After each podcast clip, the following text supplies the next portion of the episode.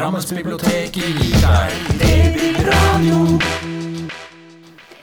Da har jeg gleden av å ønske hjertelig velkommen til en litteraturkveld på biblioteket, hvor vi nå skal ha inntil én times bokbad med forfatteren Gert Nygaardshaug. Jeg heter Trine By, og jeg har gleda meg lenge og lest noe av dine mange utgivelser.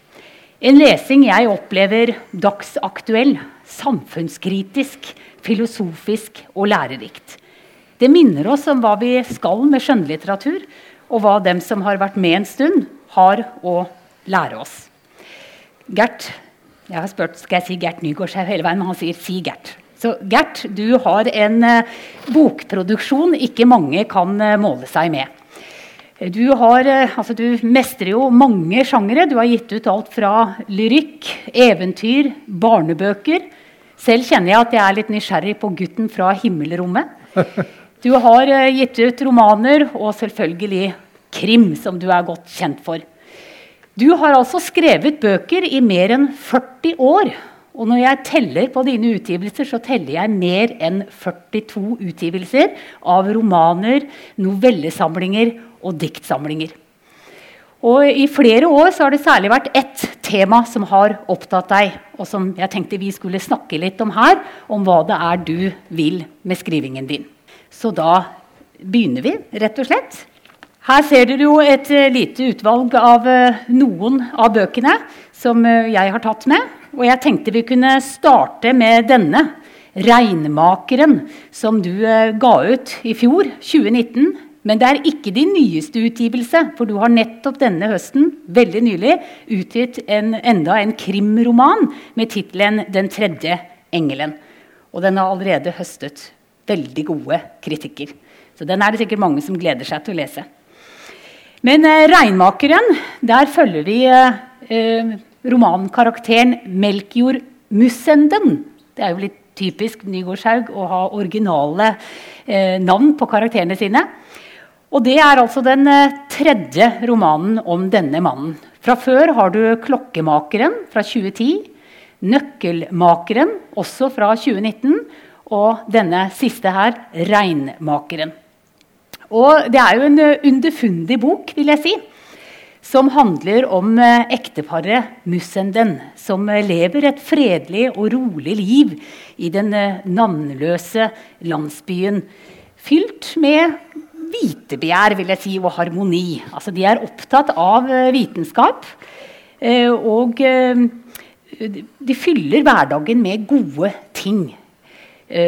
Melkjord, som han heter, eller Melk, han er jo da ivrig eh, medlem, fast medlem av Filosofiklubben og av Duerskytterklubben, som har jevnlige møter på vertshuset Det gylne aks. Der faste medlemmer kommer sammen for å diskutere, samtale om livets små og store spørsmål. Og Man kan jo da tidlig begynne å ane samfunnskritikken. Fordi eh, dette står jo da i kontrast til vårt moderne, siviliserte og regelstyrte liv. Ikke sant? Jo, du har helt rett i det. Mm. Ja.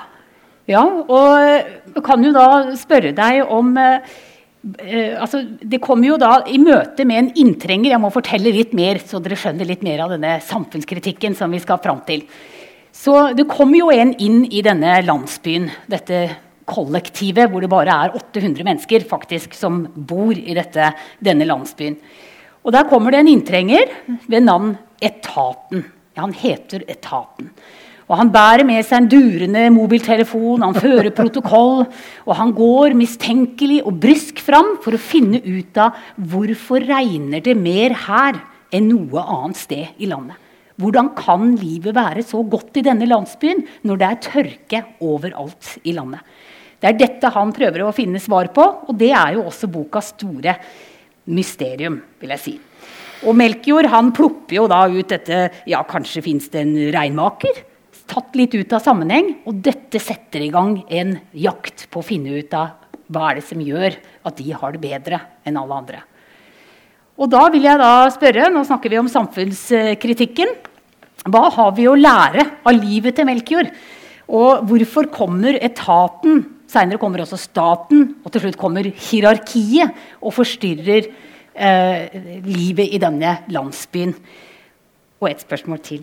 Hva er det gode liv slik du ser det? Dette er tre bøker som jeg har kost meg med å skrive. Eh, alle tre har jo et samfunnskritisk perspektiv. Eh, først litt om miljøet. Du har jo sagt det. eh, men de bor altså i en ikke navngitt liten landsby. Hvor det er en øy, nærmest, for det renner en ei elv eh, på begge sider. Slik at de har kornåkre og alt mulig, og midt der ligger landsbyen. Der bor eh, denne merkelige fyren som heter Melkjord Musenden, og konen Mathilde. Og de har det et veldig godt liv. Eh, den første boka, som het 'Klokkemakeren', den hadde som underliggende tema for at omtrent alt jeg skriver av nyere ting nå, må ha et visst perspektiv på det samfunnet vi lever i. Slik at jeg må ha et lite budskap. I den første boka, så var, i altså 'Nøkkelmakeren', så var vel budskapet dette med kjøttproduksjon. Kjøttkveg kontra eh, vegetarisk mat, korn og sånn. Eh, det var vel det overordnede temaet der. Samtidig som det skjedde jævlig mye rart med tiden i den boka. Tiden gikk jo helt banana, så det er fryktelig moro å skrive om sånne ting. For det skjer jo så mye rart, vet du. Eh, I den andre boka, eh, 'Nøkkelmakeren', ja. Der tar jeg utgangspunkt i dette her bedrøvelige som nå st st faktisk står om det i alle aviser i vår tid nå. Om eh, det som skjedde med Assange. Assange, Julian Assange, hans rettssaken mot han. Eh, trusselen mot å bli utlevert til USA og sitte i fengsel resten av livet. Og også Snowden, dette data eh, det, altså At de har fòret oss med informasjon om eh, krigene som dette bedrøvelige landet USA har bedrevet rundt omkring i verden, og som de nå er anklaget for. ikke sant? Så det var det. I den eh, andre boka så kommer det da en merkelig fyr som sier han er nøkkelmaker til byen. Eh, ja, han kan lage nøkler, og han blir innlosjert der. ikke sant? Og, og, og får seg et sted å bo og greier. Men han har veldig mye rart utstyr med seg. Det kommer opp antenner på taket og litt forskjellig. ikke sant? Så disse innbyggerne lurer på hva i all verden er han driver med egentlig? Ved siden av å lage nøkler, for han er veldig flink til å lage nøkler. Eh, Det var liksom det overordnede politiske, eh, samfunnsmessige budskapet i den boken. Og så har du den siste, da, som heter Nå må jeg også si det at jeg er veldig glad som jeg sa i stad, veldig glad for disse bøkene. Morsomt å skrive disse bøkene, for de er så glad i god mat òg, vet du. Ja, det er de- eh, de- de- gjennomgående i de- denne de, de, de har en nasjonalrett. Altså, de, de spi, I den byen så spiser de noe som alle er glad i. Det er rugbrød med fleskepølse og sjenever til. For de produserer nemlig nemlig ja. i den byen. ikke sant? Det er det beste de vet. Mm. du. Ja vel. Ok, Den siste boka, 'Regnmakeren', ja, den kom vel i fjor. denne. Ja. Eh, der er det overordnede tema selvfølgelig klima og integrasjon, flyktninger. For der i denne byen der så har de tatt imot dobbelt så mange som det som bor der omtrent. Og de har integrert dem og gjort det veldig koselig. Alle kommer i jobb. Noen jobber som maskinførere, andre som eh, treskere, snekkere. Og, og dette går veldig bra. Dette er jo en idealisert tilværelse. Altså, det er, det er sånn, sånn jeg ønsker det skulle ha vært ikke sant? overalt. Eh, men så skjer det noe i den byen, da. I i den området der de bor, på disse kornåkrene. Det regner der! kommer jevnlige regnskurer. De får dobbelt grøde hvert år. Mens resten av verden og resten av landet, det er tørt. Så da kommer det flyktninger ikke sant, dit. Men de gjør det beste ut av det. Og da er det denne etaten kommer først. Og han kommer og stiller veldig ubehagelige spørsmål til Hermusenden. Staten først. Ja, ja etaten kom. Men han, han, han, etaten, merkelig fyr, vet du, han var jo veldig sur i begynnelsen. Han, eh, han begynte å gå rundt eh, blant disse nye innvandrerne der. da. Og så fikk han mat i hvert eneste hus. Og han ble jo så stappa mett, denne mannen. Og så begynte han å like dette stedet. Men han ville ikke være etat lenger. Og da fikk Musenden gjort det sånn at han ble, at han ble brenneriassistent. Han fikk jobbe på, på, på dette Genéver-brenneriet. da. Så han blir integrert, eh, denne her, eh, denne her, eh, denne her etaten. da. Men så kommer jo staten inn, da, og så kommer jo til slutt hierarkiet. Og så er det da en fyr der. Og der inne på det vitenskapelige. ikke sant? For det, det er en løsning på dette med, med hvorfor det regner der og ikke andre steder. Og grunnen til det den vil jeg ikke si her, da, for da, da blir jo spenningen i den boka borte. Jeg kunne ha snakket i to timer om den boka der, så nå må Ja, vi skal komme oss videre. Eh, Altså, Jeg sa innledningsvis at uh, når jeg leser litteraturen til uh, Gert Nygaardshaug, så syns jeg også det er veldig filosofisk. Og i, i denne 'Regnmakeren' så er jo dette med tid skrevet med stor T gjennom hele boka. Det er jo et, et nesten som et sånt filosofisk eksperiment. For han er jo eksistensielt opptatt av tid. Og da lurer jeg på, Har du tenkt at denne boka her skal være også et litt sånn filosofisk eksperiment? Det er ikke noe eksperiment. Det er rett og slett uh, altså. Nei, altså det er, jo, det er, jo, tanker som jeg, jeg, har gjort meg hele livet om tilværelsens merkverdigheter. Og som da sannsynligvis er helt bortkasta. Men altså, det er morsomt å drodle med sånne ting. Og det at tiden går bananas, f.eks. Man vet jo ikke hva tid er. Ingen vet hva tid er. Ingen vet hva bevissthet er. Altså Vitenskapen aner ikke et bæret om hva bevissthet er. Vi har ikke funnet noe sted i hjernen som er bevissthet.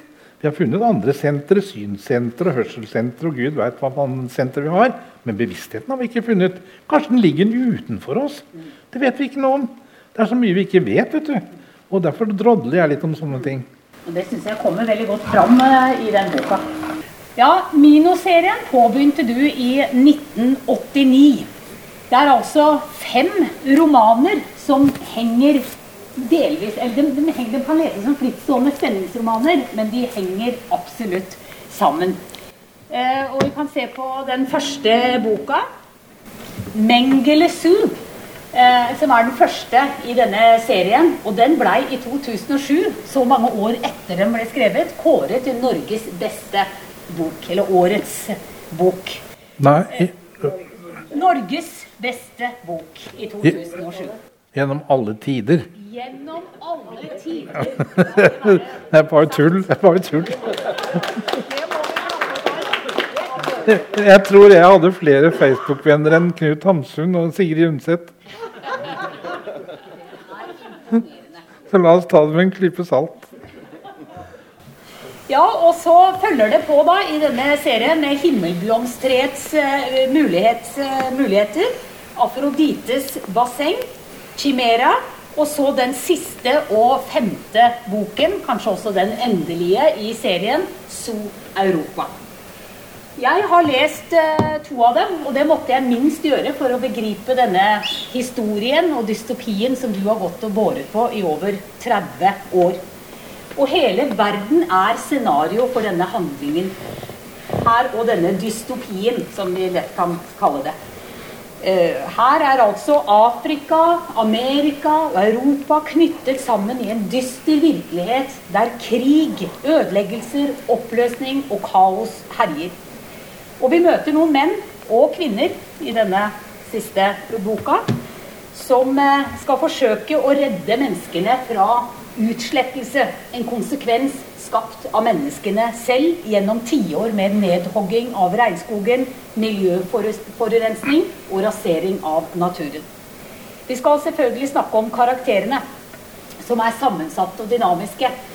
Men eh, Først og fremst, når var det du skjønte at det var dette temaet som skulle prege mye av din litteratur i årene framover? Det var når jeg fikk et oppdrag av avisen Klassekampen i 1988. Eh, for å dra ned til Brasil for å intervjue enken etter en myrdet regnskogsforkjemper som heter Chico Mendez. Det sto om han i alle aviser den gangen. Det er lagd film om han. Han bodde langt, langt inne i regnskogen i en provins som heter Rio Branco.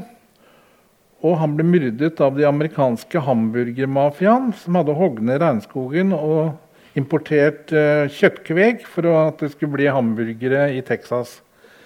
Denne Chico Mendez han ble da myrda. Og jeg skulle, fikk da oppdrag å dra nedover og intervjue enken. Og jeg tenkte åh, nå får jeg anledning til virkelig å se det stedet jeg har drømt om hele mitt liv, nemlig regnskogen i Amazonas. Så jeg dro jo sporenstreks ikke nedover. Og dro jo ned, og det tok jo fryktelig lang tid før jeg kom dit jeg skulle. fordi at Eh, når jeg kom til Rio de Janeiro, så skulle jeg ta fly videre innover regnskogen. Først til Manaus. Det tar tre timer. Du har regnskog hele tiden. Og så videre innover til Rio Branco. Det tar tre nye timer. Altså hele flyturen igjen over Amazonas var like lang som herfra til Egypt. Veldig stort område, ikke sant? Så landa jeg jo i Rio Branco, da. I denne byen hvor Chico Mendes ble myrda. Da tenkte jeg, Hvordan i helsike skal jeg klare å finne denne mannen? Nei, denne enka etter Chico Mendes. Jeg kjente jo ingen der, og det så jævla skummelt ut der. egentlig. Det var en sånn dyster stemning og ikke noe særlig hyggelig by. Veldig liten nå.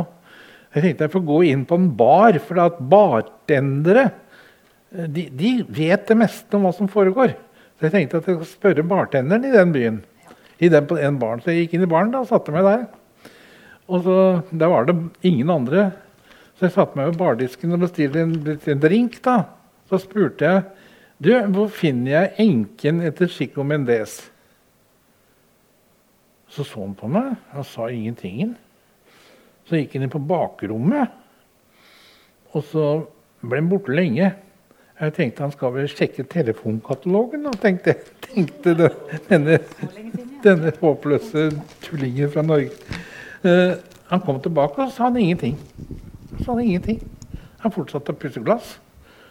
Så gikk det noen minutter, og plutselig så dukker det opp to fyrer.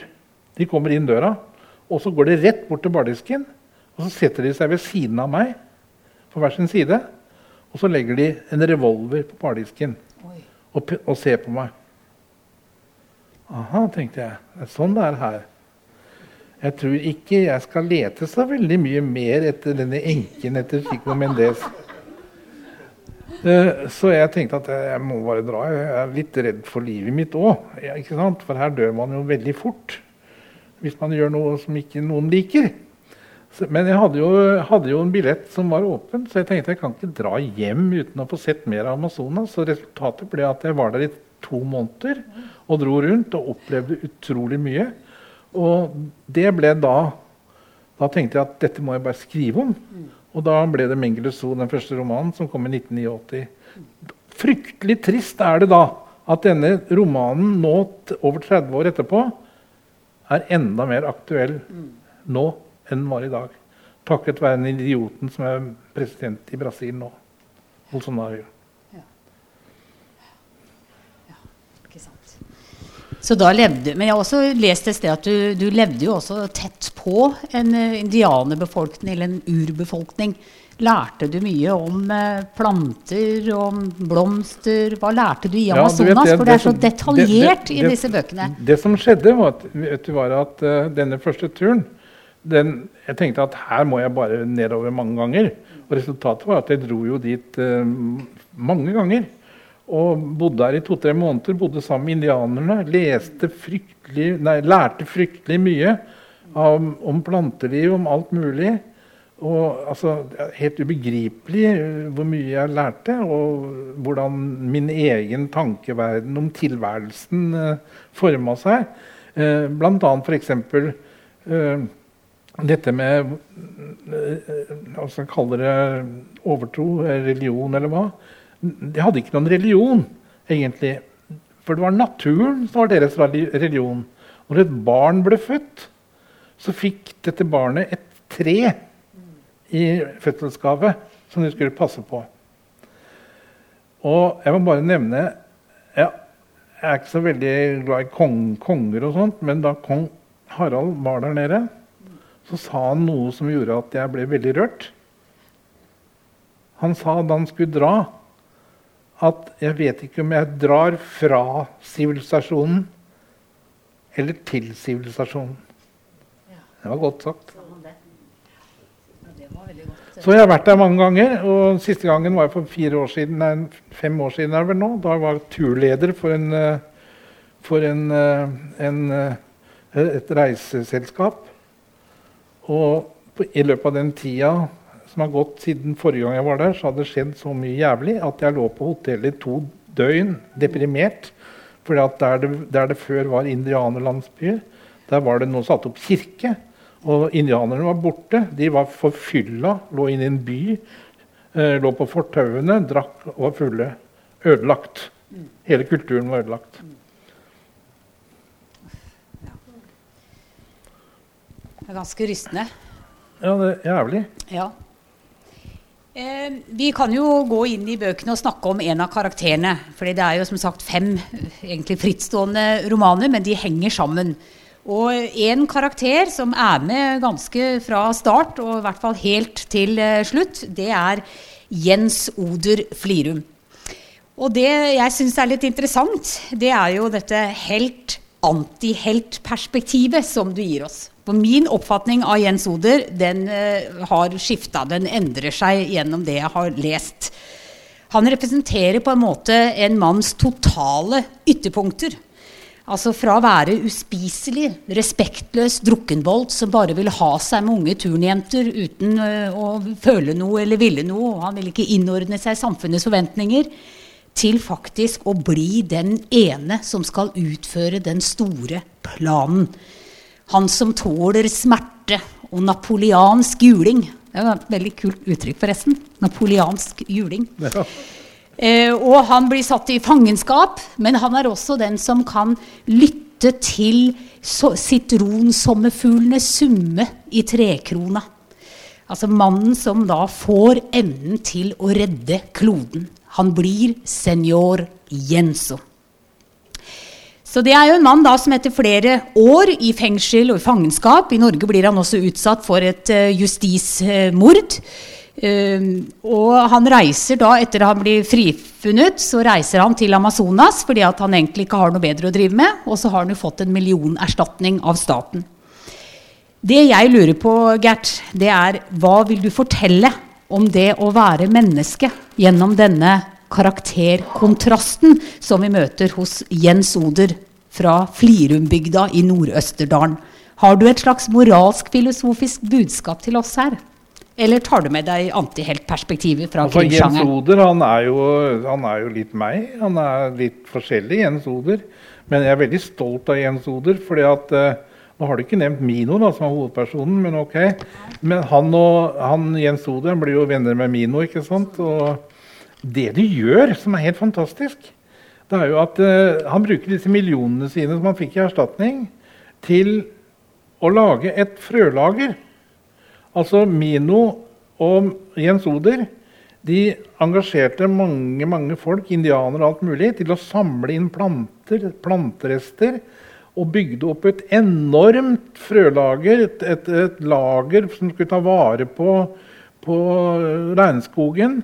Og eventuelt uh, finne nye medisiner, for vi vet jo det at uh, 70-80% av de medisinene vi har nå, de kommer fra regnskogen. Uh, hvor mye som blir borte, det vet vi jo ikke. De bygde opp dette fantastiske frølageret. Jeg skrev denne boka lenge før frølageret på Svalbard. Så jeg, håper, så jeg håper at de fikk litt inspirasjon derfra. Det som jeg syns er dumt med frølageret på Svalbard, er at de bare bruker bare oppbevarer matplanter. De burde ha tatt alle typer planter, for at det finnes så mye stoffer i planter som vi ikke vet nok om i dag, og som kanskje kan være, bli medisin. Uh, uh, et hint der. Les den flotte boka til Anne Sverdrup Tygesen, som har kommet med en fantastisk bok om hva alle disse små tingene, planter og alt mulig, betyr for oss. Og hvis de blir borte, hva skjer da? Og det er liksom hovedbudskapet. Jens Oder var en, Eh, en veld, han ble en veldig bra mann. Ja. Han, du treffer han igjen i bok nummer tre og fire og Nei, tre og fem. Ja. Ja, vi, Du nevnte jo Mino også. Vi treffer jo flere karakterer. Carl Iver Lyngvin han er jo kanskje den gode gjennom hele romanen. Og vi møter jo da, som du sa, Mino, som er den eneste overlevende fra regnskogen. Og sammen så danner de jo dette teamet som skal redde verden. Setningen 'Det finnes ingen ondskap, bare kampen for å overleve', det går igjen som en slags Eller det blir gjentatt flere ganger i, i boka som en slags mantra eller et litterært frampek. En annen forfatter som i disse dager ville ha fylt 100 år, han var også opptatt av det ondes problem. Ja, Noen ganger er det faktisk litt interessant å sammenligne store forfatternavn. Jeg tenker på Jens Bjørneboe. Visste at det var Ja. han, ja. Visste at det var han. Ja, han var jo opptatt av ondskapen mennesket var i stand til å utføre. Ikke helt ulikt deg, altså. Og det er jo litt sånn med, med litteraturen. Ta, gå tilbake til realismen, så skulle litteraturen sette samfunnsproblemer under debatt. Da var det gjerne kvinneundertrykkelse, det var avsløring av maktmisbruk. Men du også gjør jo det med din litteratur. Du viser jo på mange måter vår tids samfunnsdilemma. Ødeleggelsen av jorda. De menneskeskapte klimaendringene og konsekvensene som følger med klimaflyktninger, tørke og katastrofer. Det er som om det blir ditt litterære program. Er det galt å kalle det det? Kan vi kalle det det? Hva skulle det være som var mitt litterære program, sa du? At det er ditt uh, litt, altså, Det du skriver, er det ren fiksjon, eller ønsker du å sette noe på dagsorden her? Er det, en- ligger det en samfunnsdebatt i Ja, det ligger, det ligger en samfunnsdebatt. Altså, jeg kaller meg en varsler. Rett og, slett, altså, rett og slett en varsler for hva som kan skje. Eh, jeg er ikke noen dystopiker eh, for meg sjøl. Jeg er jo et veldig glad oppegående menneske. Jeg sitter og koser meg med vin i hagen og ser på insektene mine og koser meg. Jeg er ikke noe hengehue. Men eh, bø- bøkene mine er varslerbøker. Det kan gå faen så ille hvis vi ikke tar oss sammen. Bare tenk på én ting. For ett menneske, for et eneste menneske, et individ, som jobber med klodens aller største problem nå, nemlig klima og artsutryddelse, så jobber det 100 000 med våpenindustrier i militærindustrien. Produsere tanks og alt mulig. Det sier litt om den derre neandertalertilstanden vi fremdeles er i. Og vi har altså ikke politikere som skjønner bæret av dette. Og det er jævlig trist. Vi har noen få, da, selvfølgelig. Men uh, dette her er veldig skummelt. Så lenge at vi har en klode som holder på nå å krepere. Altså, det er jo så mange Bare vent og se på den nye, som kom, den nye filmen som kommer nå med David Attenborough. Den, den må dere se. Den, den er vel premiere nå. Kommer på Netflix, tror jeg, som serier. Uh, den er skremmende. Og han sier jo rett ut at hvis ikke det skjer noe alvorlig nå, så er vi ferdig.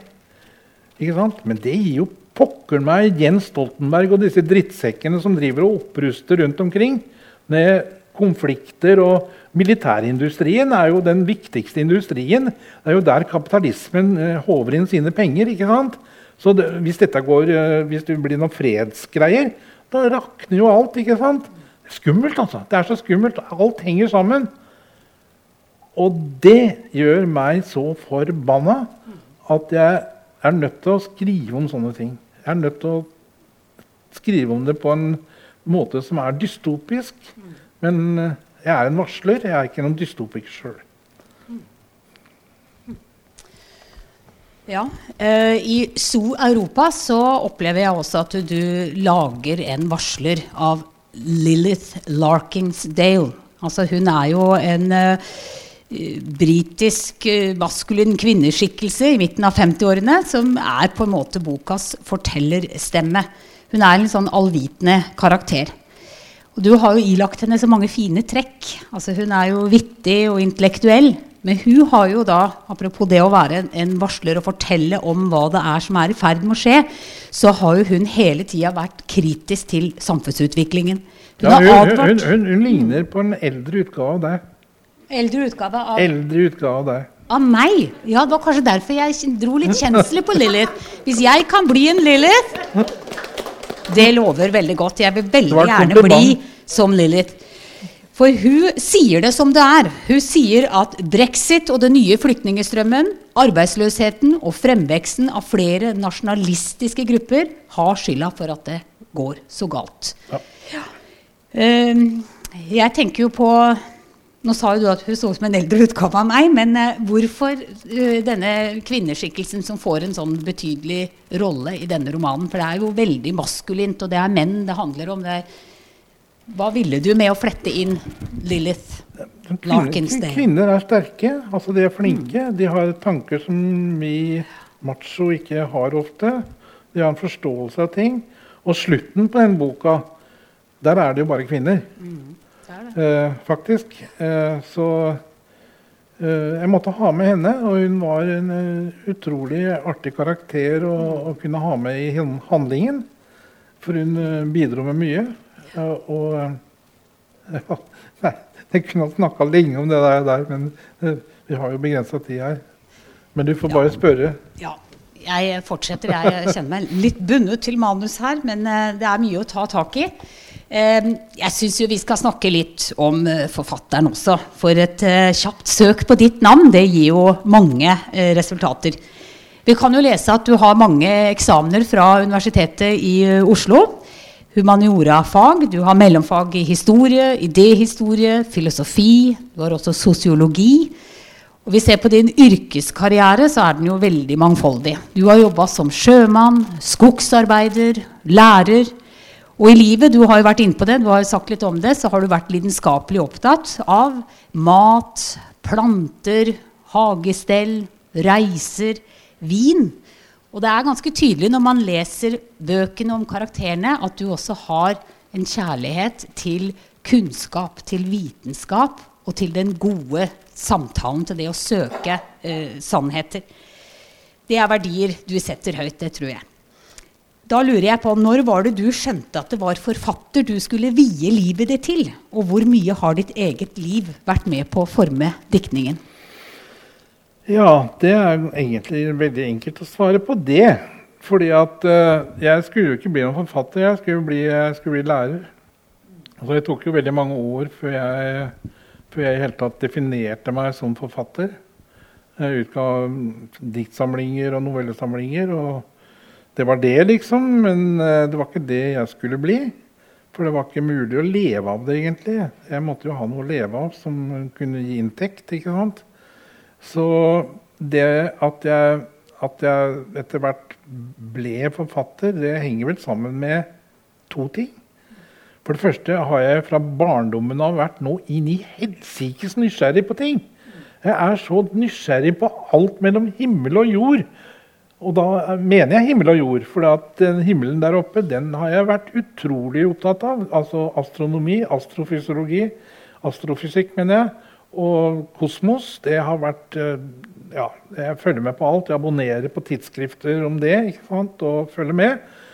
Eh, Til arkeologi, eh, som da preger en del av krimbøkene mine. Eh, hva som har skjedd i fortiden. Hadde vi visst hva som egentlig hadde skjedd i fortiden, så hadde kanskje historien vår vært helt annerledes. Det vet vi ikke. Vi får håpe vi finner opp en tidsmaskin en gang, så vi kan finne ut hva som skjedde på Jesus tid, f.eks. Det har vært morsomt. Da vil dere, nei, jeg skal ikke si noe mer om det. Men uh, uh, nysgjerrigheten og uh, det at jeg har hatt en allsidig yrkeserfaring, har vært eh, bærebjelkene tror jeg, i, i forfatterskapet mitt. Eh, jeg tror aldri jeg har blitt forfatter hvis jeg skulle ha gått på forfatterskolen på Bø. Og sitte der og bli lært hvordan man skriver fine setninger. Og hvordan man kunne sitte i stuevinduet og studere naboen. Er det utroskap der, tro? Eller kan, kan det være noe pedofili i nærheten her? Eller? eller hvordan går det egentlig med kjærlighetslivet mitt? Eller med kjærlighetslivet til naboen? Altså, Jeg hadde aldri vært noen forfatter hvis jeg skulle gått på et forfatterkurs på Bø. Men det å ha vært sjømann, filosofilærer, gud veit, you name it, jeg har vært innom utrolig mange yrker. Det har vært en bærebjelke i forfatterskapet mitt. Og Jeg tror at de tingene er nødvendige faktisk for en del. Men det er klart det finnes utrolig mange gode forfattere som ikke har den bakgrunnen. Uh, ingen tvil om det.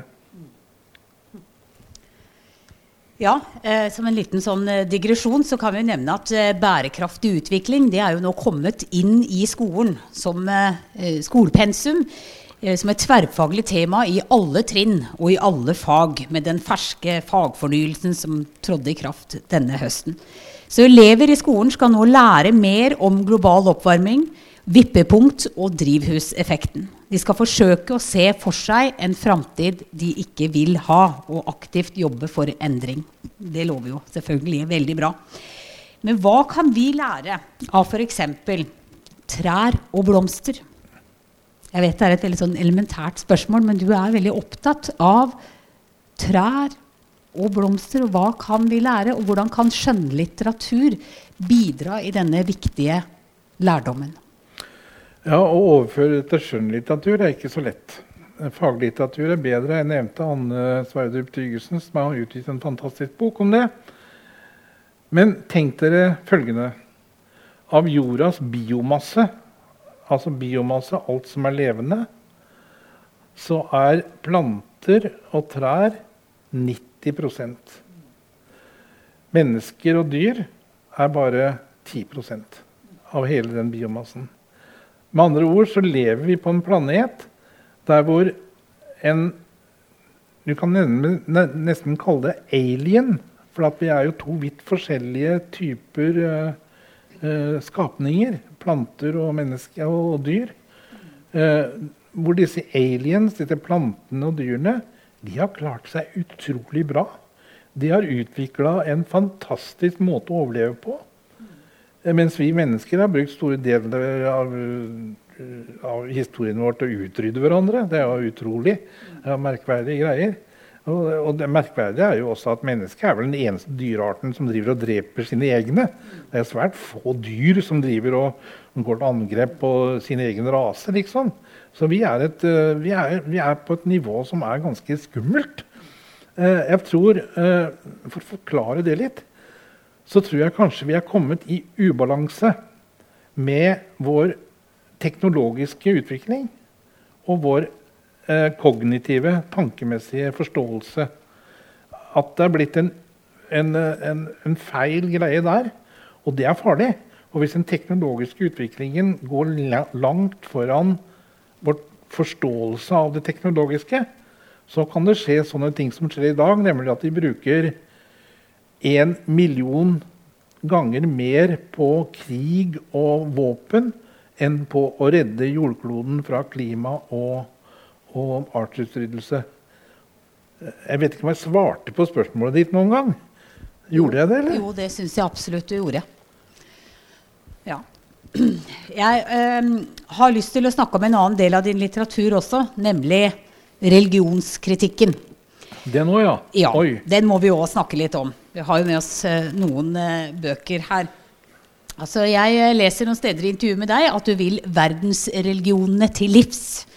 Du har gitt ut bøker som Pross Gottwins geometri og skal vi se, har han ikke med her, 'Fortellernes marked', hvor du stiller kritiske spørsmål om kristendommen, om gudetro og beretningen om Jesu fødsel.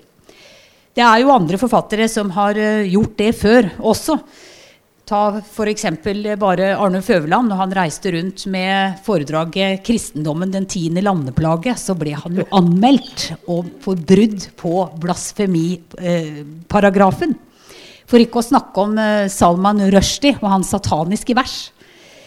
Og jeg lurer bare på hvilke reaksjoner har dine utgivelser fått? Har du vært redd for å krenke noen? Har du måttet flykte for ditt liv? Og er alt lov i dag? Altså, du er en forfatter av samtiden, men du har jo også holdt på en stund, uh, Gert. Så ja, I dag er det fryktelig lett å bli krenket. Det er så lett å bli krenket at man tør nesten ikke spise issalat. For det kan hende at det er noen som da har et forhold til Titanic. Skjønte, skjønte dere den? Gikk på et isbergsalat, heter den salaten. da. Ikke sant? Så man kan, bli, man kan bli krenket av det meste i dag. Så, så eh, Nei, altså den krenker altså, Jeg har ikke følt at jeg har eh, utrolig gode venner som er kristne. Og vi fører jo utrolig lange diskusjoner med rødvin til langt på natt uten at vi blir enige.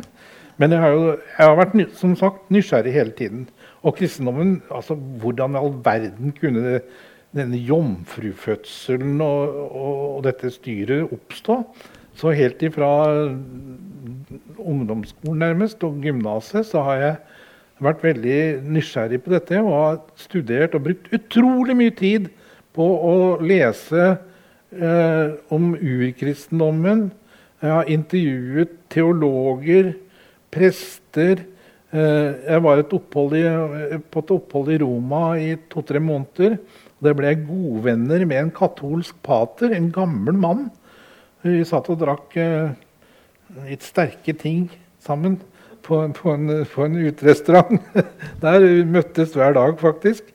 Og han fortalte meg altså så mye som jeg Ja, jeg ble helt paff. Og så sa jeg til ham hvorfor i all verden tror du på dette sjøl, da?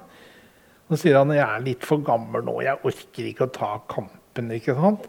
Og da ble det utgangspunktet for prost gottfinsk geometri. Og når jeg skrev prost gottfinsk geometri, så, så handler jo det om en prest som mistet troen. da, For han opplevde så mye merkelige greier. Han dro til Santiago de Compostela, ikke sant? for der hadde det skjedd et mirakel. Eh, Der hadde eh, mange tusen pilegrimer sett, sett jomfru Maria på himmelen. Men så var det også tre, tre japanske forretningsmenn der. Men de hadde ikke sett noe mirakel på himmelen. Da. De hadde sett et lysende objekt, men ikke noe jomfru Maria.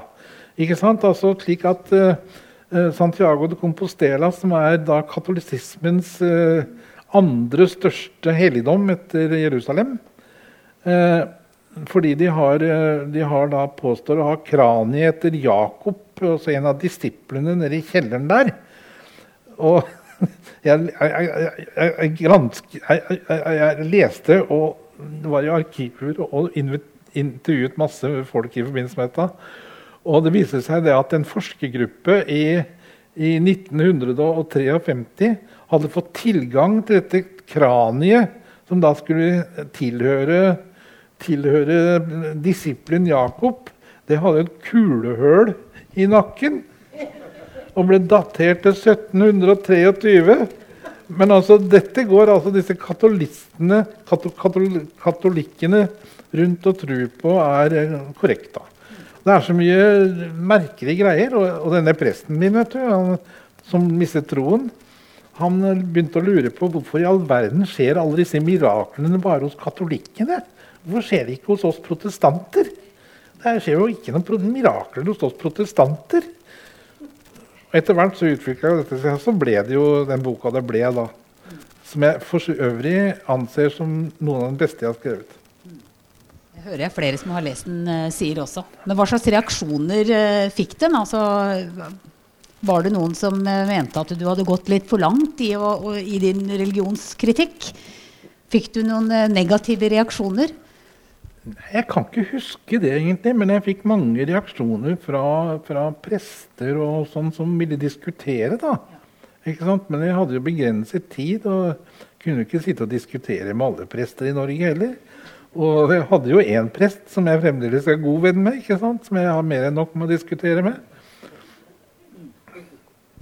Ja, Vi snakker jo om dette med, med grenser for uh, hva man kan uh, gi ut. Uh, og jeg lurer på hva du tenker hvor de grensene bør ligge mellom en forfatters fulle frihet og samfunnets normer og regler. Er det, bør det være grenser her, eller er alt lov for en forfatter? Så lenge han dikter, la man dikte. Og ikke forsøke å lage det som en eh, noen forfattere dessverre gjør, som en selvbiografi. Hvor de utleverer eh, sine nærmeste. Etiske. Og det syns jeg er usselt, rett og slett. Eh, man må dikte. Rett og slett dikte. Og vise at dette er diktning. Og ikke med sterke spor til uh, sine nærmeste, f.eks., eller til folk i ungmannskretsen, da blir det farlig. Og da går du over en etisk grense, syns jeg. Og dessverre så er det en del kjente forfattere som har gjort det. Jeg nevner ikke navn nå.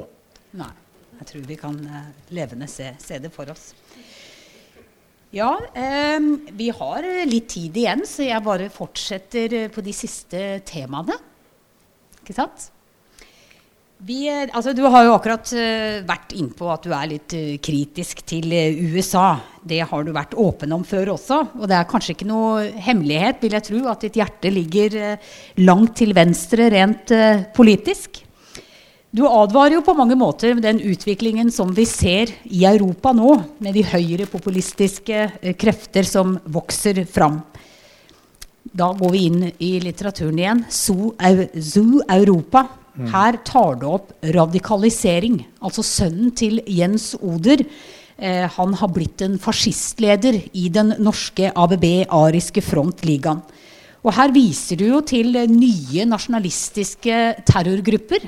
Du gir de navn. Balderister og turister fra norrøn mytologi. Og du peker jo da i boka på lovløse tilstander i Europa. Klimaflyktninger, stater som mister fullstendig kontroll. Det er jo fiksjon, det her. Men det er jo helt tydelig at du også har et politisk beskjed her og nå. Og så har jeg tenkt på en annen ting. Når jeg leser, har jeg tenkt hvordan, altså Når man bærer disse romanene i seg over så lang tid, hvor hele verden er så dystert og kaotisk, på bristepunktet til undergang, hvordan har du det da? Ja, men det har jeg sagt. Jeg har det utrolig. Jeg er ikke noe hengehue. Jeg er veldig optimistisk. Jeg, altså sånn rent personlig. Jeg er en varsler, ikke sant?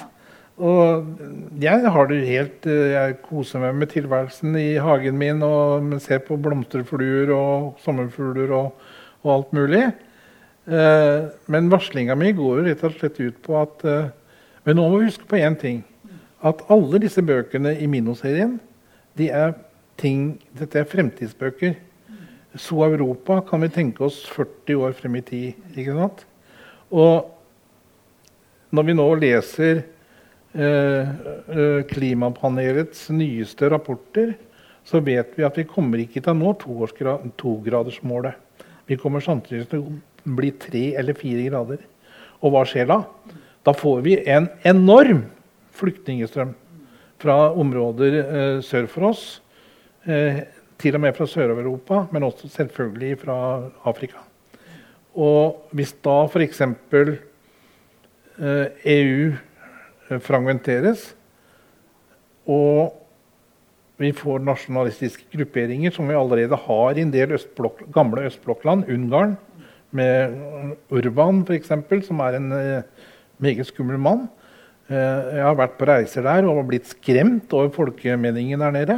Hvis vi får nasjonalistiske Hvis EU sprekker, fragmenteres, eh, så kan vi risikere borgerkriger.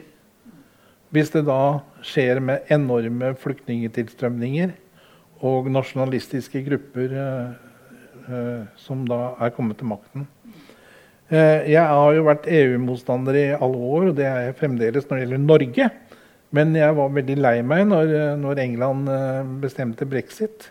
For at hvis flere land følger etter, så får vi akkurat den fragmenteringen av et tross alt et fellesskap som kan motvirke eh, veldig skumle tendenser, nasjonalistiske tendenser.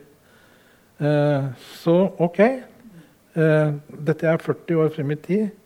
Og jeg håper virkelig at, eh, at ting kan bedre seg. Jeg er ikke helt sikker på det. men eh, Likevel så er jeg da en optimist. Ja, eh, Vi kan eh, snakke litt om noe vi ikke har snakka så mye om eh, til nå. og Det er jo de litterære grepene i skrivingen, altså språket. Da tenker jeg spesielt på kontrastene. Altså i, i himmelblomstreets muligheter, f.eks man begynner å lese den, så blir man på en måte kasta litt inn i uh, stemningen. Altså det er en maskulin uh, stemning. Det er uh, vold, det er flukt, det er kamper, det er inferno, det er fangenskap. Det er mørkt. Og så kommer alt dette med naturen. Blomst, frø, sommerfugler, summende insekter. Det er liksom som om det maskuline blir satt opp mot det myke i naturen. Um, hvor bevisst er du på de litterære uh, grepene når du, når du skriver? Uh, hvor bevisst jeg vet jeg ikke, men den skinner jo gjennom mitt eget syn. Altså, jeg klarer aldri å skrive en veldig negativ, uh, negativ greie. Altså, jeg må ha med noen lyse ting. I disse bøkene så er det jo vakre kjærlighetshistorier òg. Det, er jo, det er ikke bare, bare, slemme ting der. ikke sant? Så det lyse kommer jo frem hele tiden, håper jeg. Og altså hvordan jeg dikterer altså, som forfatter vurderer hvordan jeg skal skrive dette, det, det, vet jeg egentlig ikke så mye om. Jeg tror det bare kommer. ikke sant? Det blir noe sånn. da, ikke sant? Men jeg må ha med noe som er litt lyst og mm. positivt midt inni det. Sommerfugler, f.eks., som jeg da ble hekta på når jeg var i Amazonas. Jeg ante jo ikke en dritt om sommerfugler. Men den der helten min, Mino, han var jo som tiåring og videre oppover. Han var jo sommerfuglsamler, for han preparerte sommerfugler og solgte det til turistene. Og, og liksom uh, skaffet inntekter til hele familien. Så jeg tenkte fanken, hva er dette med sommerfuglsamling? Så jeg, dette må jeg undersøke, for jeg forsøker å være veldig nøye med researchen. Det skal være riktig. Så jeg drev jo fanken meg en hel sommer og, og raserte kålsommerfuglbestanden oppe i Botanisk hage før jeg klarte å preparere en sommerfugl. Men det klarte jeg da til slutt. Det er ganske vanskelig, egentlig. For du skal ikke ødelegge følehornene heller. Eh, og da var jeg hekta. Da var jeg hekta på sommerfugler. Så eh, en del år i Amazonas så fløy jeg rundt med sommerfuglhoven min ikke sant? og har jo en enorm sommerfuglsamling hjemme. Ikke sant? Så det er jeg veldig glad for. Altså, det er, det, disse vakre sommerfuglene det er på en måte en uh,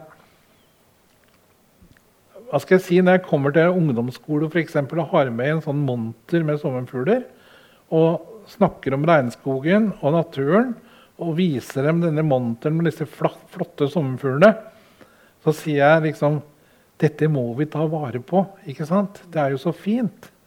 Å ja, sier jeg. Ja, men da må dere melde dere inn i Regnskogsfondet, sier jeg.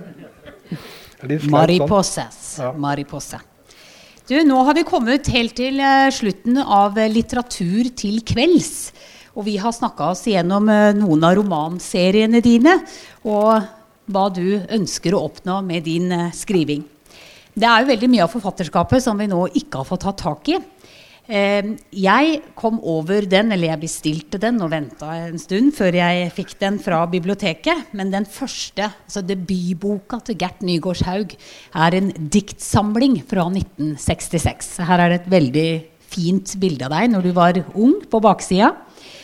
Og, og her er det mange fine dikt. Eh, selv om du sier til meg at ikke du har noe forhold til disse diktene nå, så gir det liksom litt mening nå eh, i, når vi har snakket om litteraturen din. Jeg har valgt ut et dikt som heter 'Pacem Interes', og spurt om du vil avslutte med å lese dette diktet. Og det sa du ja til. Så takk for at dere kom. Takk for i kveld, og ha fortsatt god høstferie for de som har det. Dette er jo helt Altså, ikke klapp nå. Dette er jo helt vanvittig. Altså, denne boka her, den første jeg skrev i 1966 Jeg husker jo ikke et bær av det. Jeg har aldri bladd i den på tiår. ikke sant? Og jeg, et, dette diktet skrev jeg nærmest på fleip den gangen, for jeg skulle ikke bli noen forfatter. jeg, ikke sant? Nei, nei, nei, nei, jeg skulle bli lærer. jeg, ikke sant? Dette var jo nesten en fleip. ikke sant? Og så kommer hun med den diktsamlinga, som egentlig er fryktelig vanskelig å få tak i.